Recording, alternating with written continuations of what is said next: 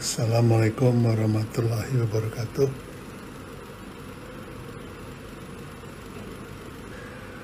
Ya, eh, saya ingin menjelaskan beberapa hal terkait dengan bookshop dan terkait dengan mindset. Jadi postingan saya terakhir itu saya membahas tentang mindset, kemudian skill set sama tool set. Nah, ya ini saya dikasih earpod. Ada yang beliin earpod biar nggak klewer-klewer katanya.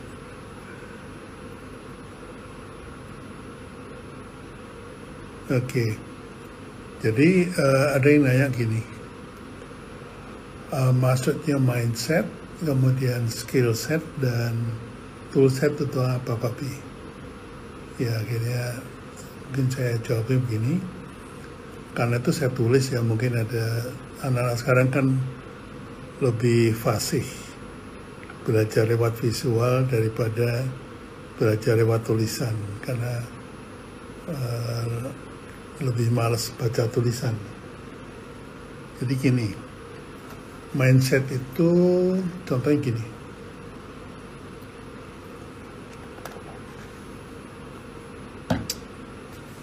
Dalam permainan sepak bola,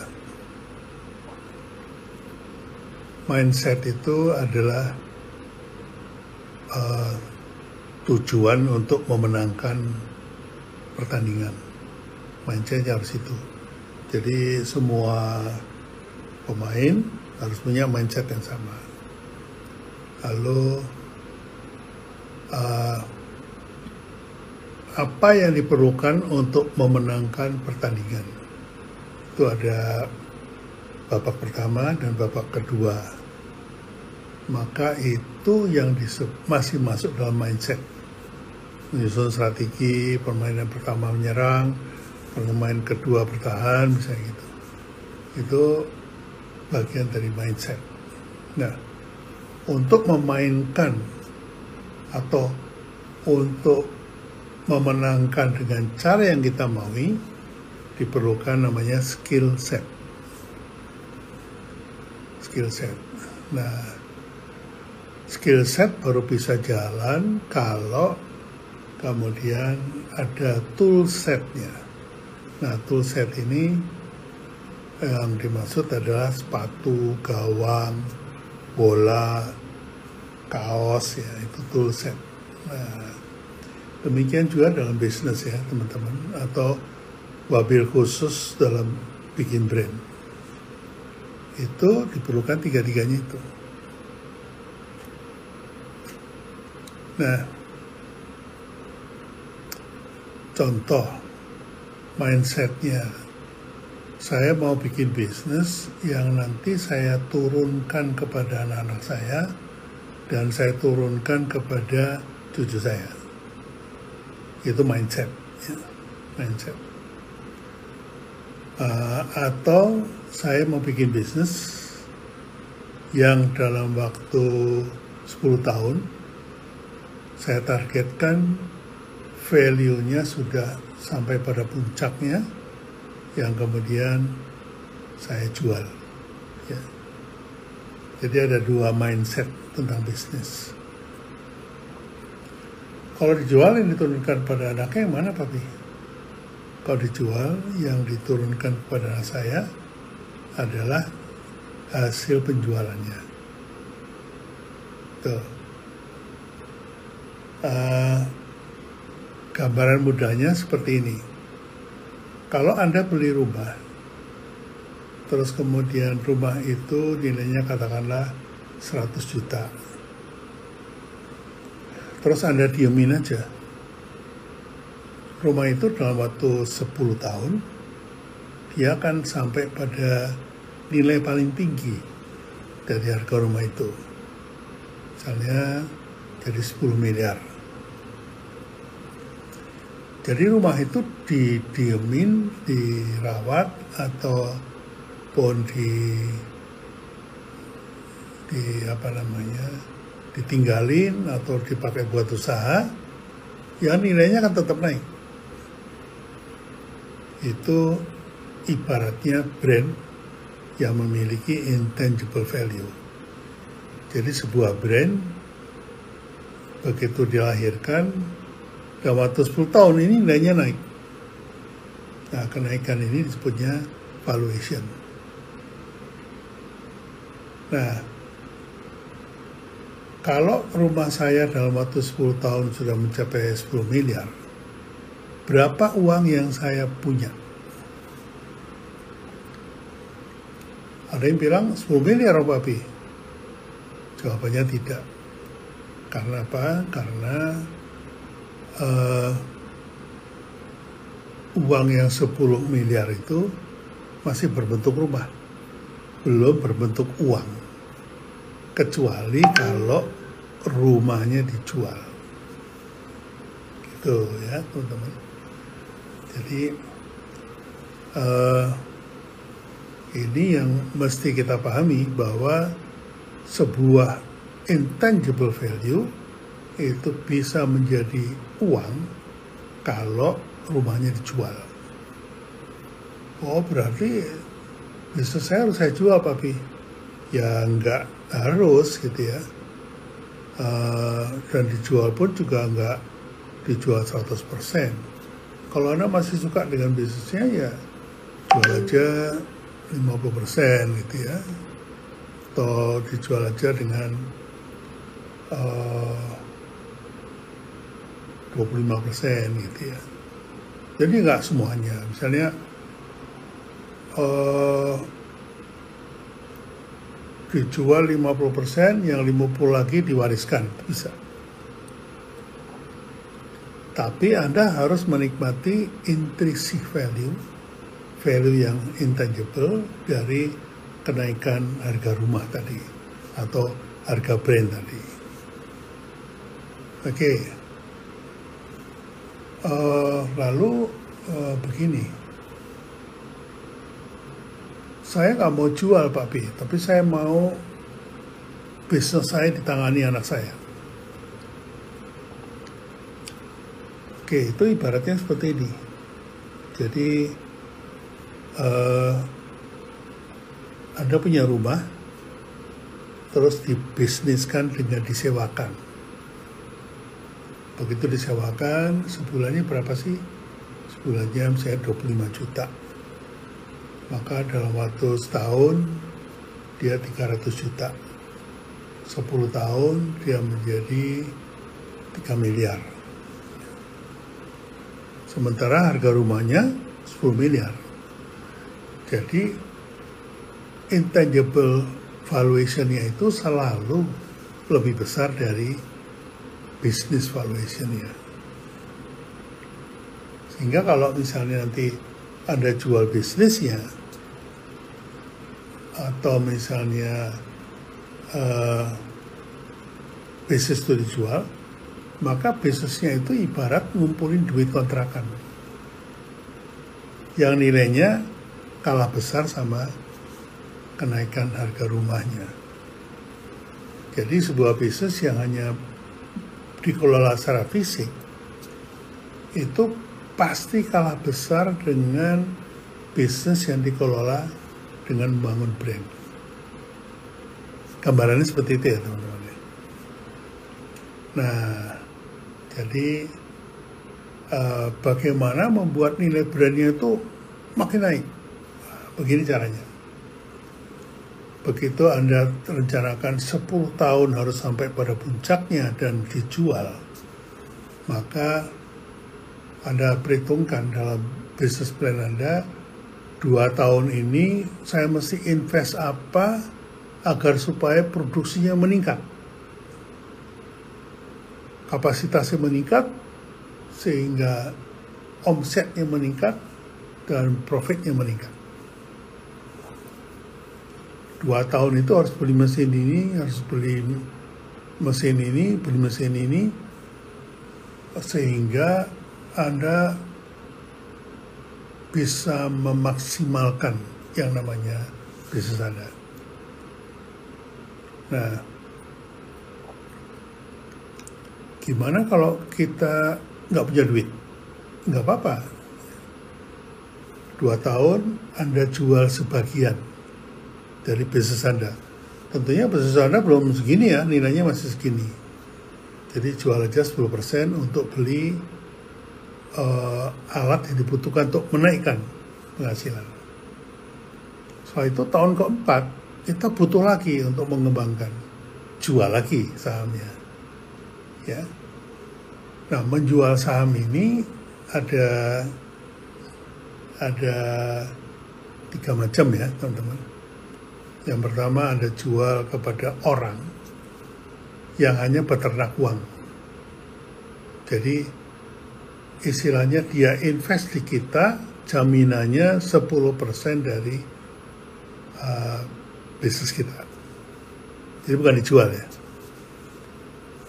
Ada buyback guarantee yang Anda bisa beli kembali saham tadi. Atau Anda jual kepada orang yang punya passion di bidang itu, di bidang bisnis Anda. Nah, karena dia punya passion, maka uh, dia pegangin tuh yang 10%, nggak mau lepas. Jadilah dia partner Anda. Gitu. Atau Anda go public, Anda IPO. Dengan IPO, Anda bisa mendapatkan dana murah dari masyarakat, uh, yang besar kecilnya tergantung kemampuan Anda untuk menggoreng saham Anda.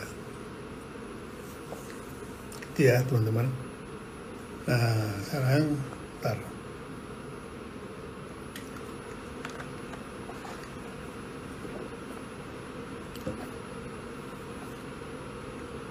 Jadi itu mau bisa diprogramkan teman-teman. Kapan dijual sebagian, kapan dijual untuk investasi, kapan IPO, ya, kapan kemudian dijual habis. Gitu.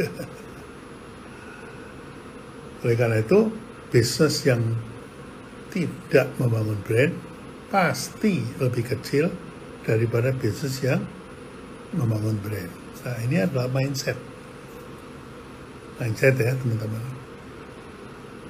Apa hubungannya dengan workshop bisa bikin brand? Nah, workshop bisa bikin brand itu meliputi tiga hal tadi. Bagaimana mindset membuat brand menemukan strategi, menemukan value, menemukan call to action, gitu ya. Itu uh, di dalam workshop offline saya yang nanti saya gelar tanggal 19-20 September itu lengkap. Jadi hari pertama bagaimana caranya menemukan call to action, hari kedua bagaimana caranya menemukan uh, value-nya ya teman-teman sehingga value dan call to action itu akan membentuk sebuah sebuah uh, value yang namanya brand. Ya teman-teman. Jadi percobaan anda bikin brand punya positioning kalau nggak ada value dan call to action-nya Nah, tidak semua teman-teman bisa datang ke Jakarta untuk ikut workshop offline. Jadi saya juga bikin workshop online. Ya. Workshop online itu basicnya adalah uh, branding, marketing, selling. Yang di situ diajarkan bagaimana menemukan call to action. Karena setiap uh, era itu call to actionnya beda. Ya. Contohnya kalau zaman tahun 50-an ya, marketing 4P itu call to action yang paling menarik itu adalah produk yang lebih bagus atau produk yang superior, kemudian harga yang murah, kemudian distribusi yang merata, dan promosi yang menciptakan awareness dan interest, termasuk diskon. Tapi era sekarang itu sudah tidak diminati lagi. Era sekarang Anda boleh punya produk bagus, boleh punya harga murah, boleh punya uh, tempat yang instagramable, boleh punya promosi yang meningkatkan interest. Tapi kalau tidak direkomendasikan oleh teman Anda, temannya si konsumen, itu tidak dibeli. Ya, ya teman-teman ya. Jadi karena eranya beda, otomatis call to actionnya beda. Otomatis strategi brandingnya beda. Ya. Ini yang semua saya ajarkan di workshop saya. Uh, kalau offline itu untungnya Anda bisa bergabung dengan teman-teman yang lain. Ya. Kalau online, Anda seolah-olah face to face dengan saya, karena lewat Zoom ya, uh, lebih fokus dan waktunya lebih luas untuk menjelaskan secara detail. Dan sering kali saya interupsi dengan contoh-contoh. Nah ini uh, workshop online saya. Jadi ini uh, banyak yang menanyakan bedanya apa, keuntungannya apa, gitu. Ya. Dan di workshop online sering kali saya punya kesempatan untuk membagi membagikan pengalaman khususnya ketika menjawab pertanyaan teman-teman. Meskipun saya kasih tahu kepada teman-teman bahwa pertanyaan hanya dibatasi kepada topik yang diajarkan namun teman-teman selalu mulai dengan begini Pak Pi, bisnis saya kan fashion. Jadi teman-teman suka tidak bisa membedakan ini pertanyaan tentang pelajaran atau konsultasi bisnisnya. Itu yang sebetulnya membuat teman-teman tuh jadi blur. Tidak fokus kepada pelajarannya. Jadi saya pesan ya teman-teman kalau ikut workshop jangan terus langsung nanya uh, tapi saya kan jualan bakso. Ini namanya apa ya? Terus tagline-nya apa ya? Terus wah, itu uh, membuat Anda justru tidak tidak fokus.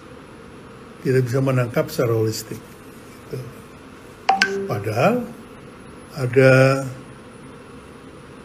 tiga hal nih, mindset, skill set, dan toolset. Itu ya teman-teman ya. Jadi ini pesan saya kalau Anda mau ikut workshop saya, uh, Anda akan mendapatkan tiga-tiganya itu asal Anda fokus kepada materinya, bukan mendengarkan materi tapi dicocok-cocokkan sama produknya yang sedang ditangani akibatnya menjadi sempit gitu. Jadi ilmu itu hanya cocok buat jualan bakso. Loh, kalau nanti jualan gado-gado gimana ya? Nah, jadi menyempitkan pandangannya sendiri. Ini yang saya temui ya di antara teman-teman. Baik, ini saya harus balik kerja lagi. Karena banyak sekali yang WA saya, DM saya, dan sebaiknya saya jawab sebelum uh, makin ke mana-mana ya. Oh ya, nanti malam, nanti malam jam 7 saya ada IG Live bersama Mas Helmi Yahya di akun beliau. Jadi sampai jumpa nanti malam kita akan bahas uh, hal-hal yang berkaitan dengan brand dan tentunya dari sudut pandang Mas Helmi ya, kan Mas Helmi yang mengundang saya untuk ikhlas. Terima kasih. Mohon maaf kalau ada kesalahan kata atau kekurangan. Bilahi taufik wal. Wassalamualaikum warahmatullahi wabarakatuh.